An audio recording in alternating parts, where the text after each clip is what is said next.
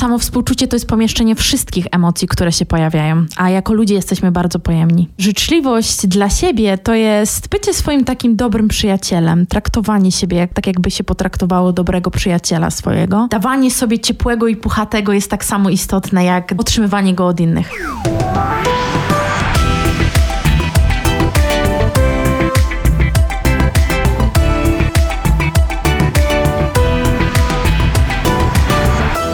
Tematem tego naszego odcinka jest życzliwość. To zacznijmy od tego podstawowego, myślę, pytania, od którego wyjść powinniśmy. Czym ta życzliwość w zasadzie jest? Czy to jest wyłącznie mówienie dzień dobry, do widzenia?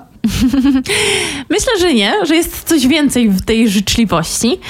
Bycie miłym to jest trochę taki według mnie, mo mojego słownika w mojej głowie, trochę taki konstrukt społeczny, e, że urodziłam się i żeby być miłą muszę mówić dzień dobry, przepraszam, dziękuję i tak dalej, a bycie życzliwym to jest jednak wybór, do którego dążę. I życzliwość to jest ogólnie bycie taką, myślę, miłą, wspierającą, czasami też podbudowującą osobą. E, możemy ją tak podzielić na taką do siebie, ale też do innych. Takie bycie przyjemnym dla siebie, dla innych. Piękne słowo. Przyjemne to jest słowo klucz. W momencie, w którym jesteśmy z różnych stron bombardowani negatywną energią, negatywnymi emocjami, czy w dzisiejszych czasach w ogóle opłaca nam się jeszcze być życzliwym i miłym? Profesor Bartoszewski powiedział takie słowa, że zawsze jak coś tam robimy, to warto sprawdzać, czy warto i czy się opłaca. Moim zdaniem i warto i się opłaca, więc to chciałam nadmienić na początku.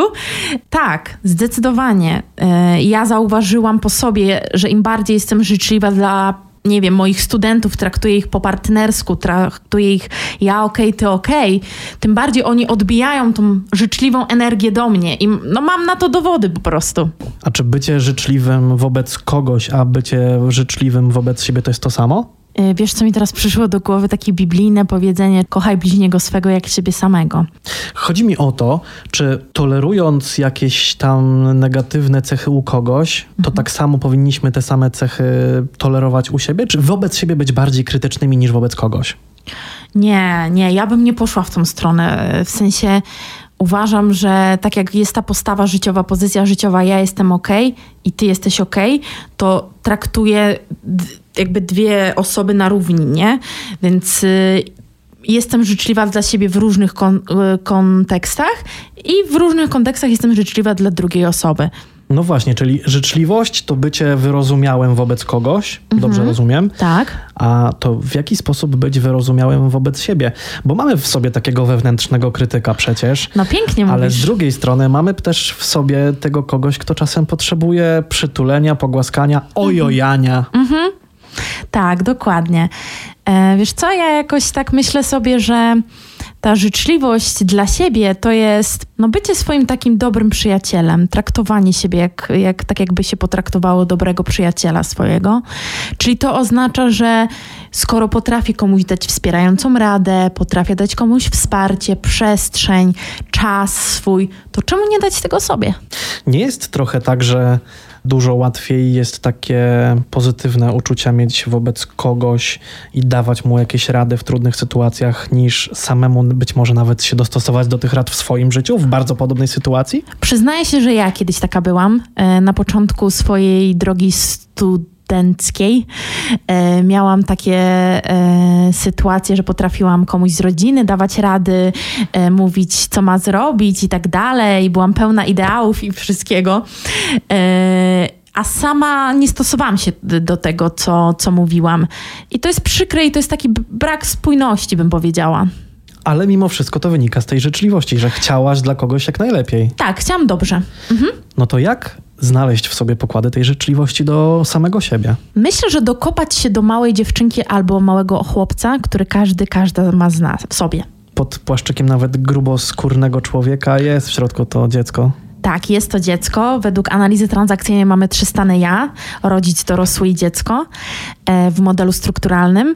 No i powiem Ci szczerze, że ja się ostatnio dokopałam bardzo mocno do swojej małej wewnętrznej dziewczynki i ona była przestraszona. I wiedziałam, że skoro jest przestraszona, to nie mogę jej powiedzieć przestań się bać w taki oto sposób, jaki powiedziałam przed chwilą, tylko kochana, czego się boisz? Co mogę dla Ciebie zrobić? Czego potrzebujesz?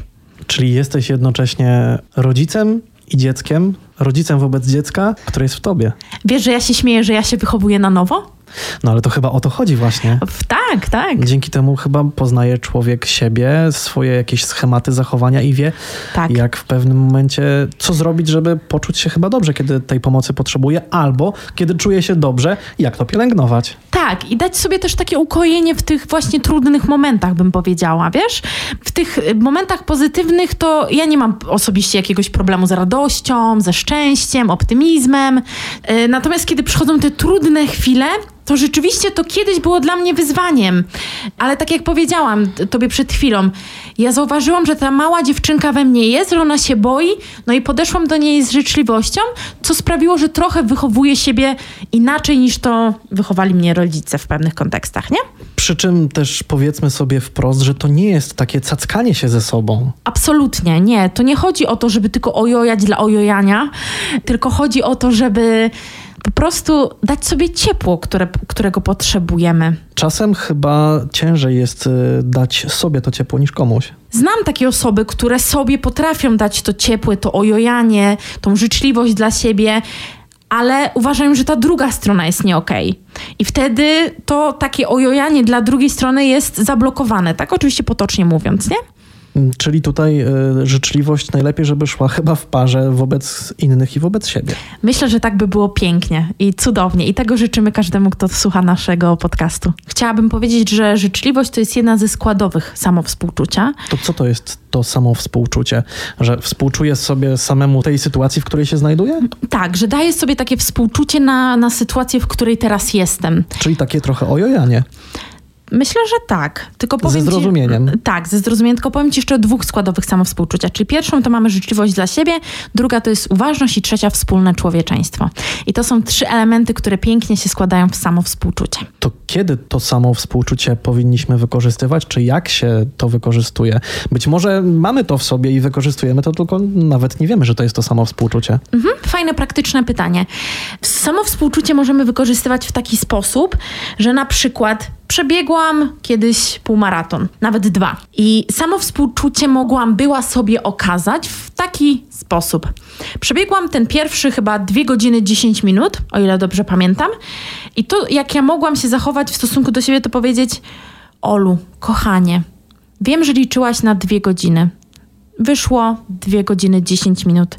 I tak ci dobrze poszło, przebiegłaś cały półmaraton, nie musiałaś się zatrzymywać zbyt długo, e, miałaś super wsparcie na trasie, byłaś tym wsparciem dla siebie. Kiedy pojawiały się jakieś trudne emocje czy też myśli, ty mówiłaś, że nie jesteś swoimi myślami. To jest też terapia akceptacji i zaangażowania. Więc w taki sposób możemy sobie okazywać samo współczucie. Albo w takiej bardziej przyziemnej sytuacji, kiedy jesteśmy e, w związku i partner na nas krzyczy na przykład to możemy sobie powiedzieć, wiesz co, martwię się o ciebie, bo twój partner na ciebie nakrzyczał. Czego teraz potrzebujesz? Co byś chciała, żeby teraz się wydarzyło? Co możesz dla siebie zrobić, żeby się ukoić, żeby poradzić sobie z tymi trudnymi emocjami? Czyli takie szukanie odpowiedzi na pytanie, dlaczego tak się czuję i co mogę zrobić, żeby czuć się na przykład lepiej? Myślę, że to może być jeden z kierunków, ale też może być tym kierunkiem, tak jak powiedziałam, jedna ze składowych samowspółczucia uważność. Uważność to nie jest wyolbrzymianie i pomniejszanie lęku, czy strachu, czy smutku. To jest zauważenie go takim, jakim on jest, jakim one są to nie jest też trochę takie ściąganie z siebie presji, to samo współczucie, tej presji, którą być może właśnie ten w sensie nasz... ciśnienia? Tak. Mhm. Ten nasz wewnętrzny krytyk e, wywiera na nas tę presję, że coś się musi udać, bo jak nie, to oj, będzie źle. Mhm. No i to się nie udaje. Wiesz, to jest Czy taka... to samo współczucie no. właśnie ściąga z nas tę presję? Słuchaj, no nie udało się, okej. Okay. Spróbujesz jeszcze raz. Tak, nabierzesz doświadczenia, Aha. no ale właśnie nie dołujesz się tą myślą, Boże, nie dałem rady. Dokładnie. To nie jest koniec świata, bo to by wtedy było zniekształcenie poznawcze jako katastroficzne myślenie. Więc no, masz rację. Ale czy samo współczucie nie jest takim trochę krokiem do bycia, powiem to wprost, leniwym? Może być tak, że to samo współczucie doprowadzi nas do takiego zbytniego użalania się nad sobą, wiecznego wytłumaczenia i usprawiedliwiania się z lenistwa, z niechciejstwa. Mhm. Powiem krótko i myślę, że na temat. E, samo współczucie to nie jest, podkreślam, nie jest e, tłumaczenie się sobie oraz usprawiedliwianie się. A czy to samo współczucie, czy też oczekiwanie współczucia może przebrać taką negatywną, już e, może trochę nawet patologiczną formę, że ktoś tak bardzo od nas oczekuje, czy my oczekujemy od kogoś z kolei tak bardzo tego właśnie współczucia, że nie przyjmujemy żadnego głosu, żadnej porady, tylko chcemy, żeby nas ciągle jojać, ciągle nam mówić, Mhm. ojej, jaki ty jesteś biedny. Oj, ojej, tak, tak. Wiesz, wiesz to w, też w, nawiążę do analizy transakcyjnej, do trójkąta dramatycznego.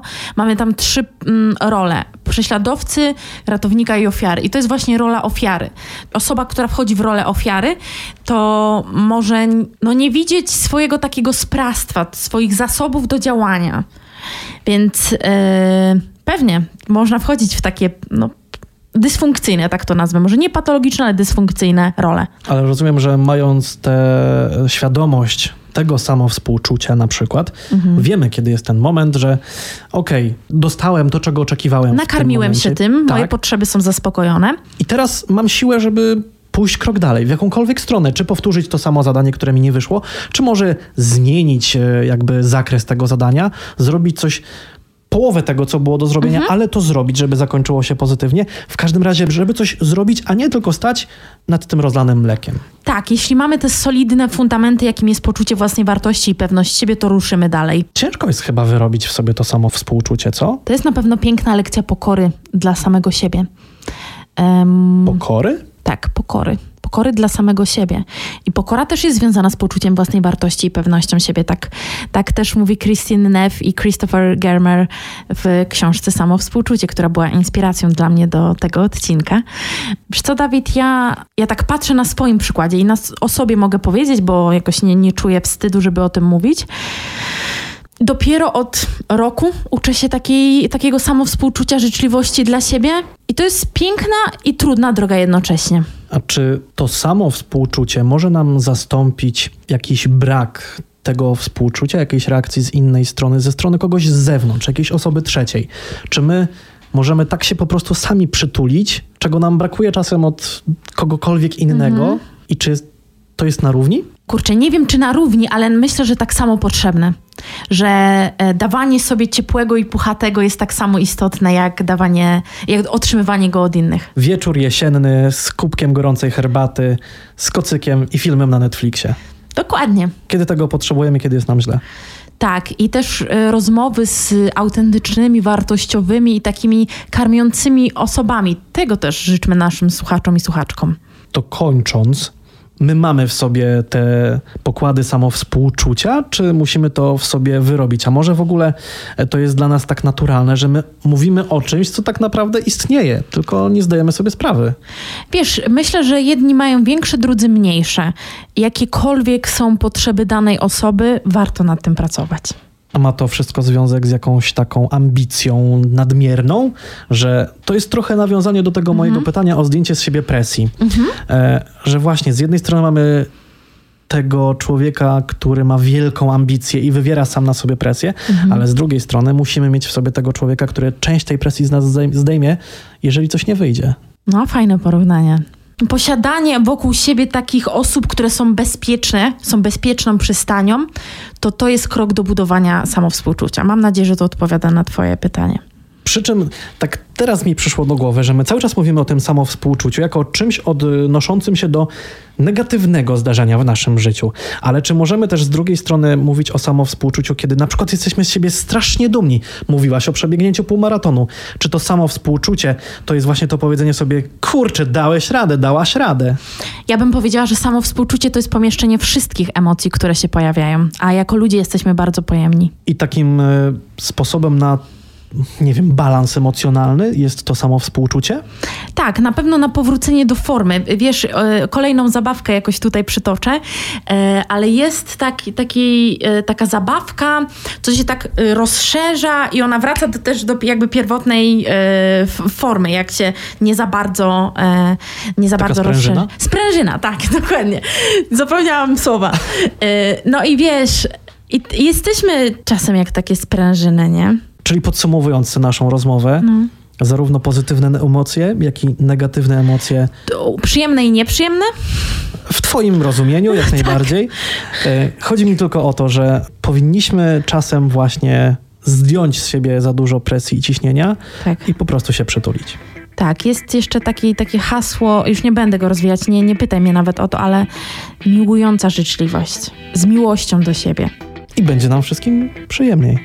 Lepiej. Samym ze sobą też. Tak. I z innymi. Oczywiście.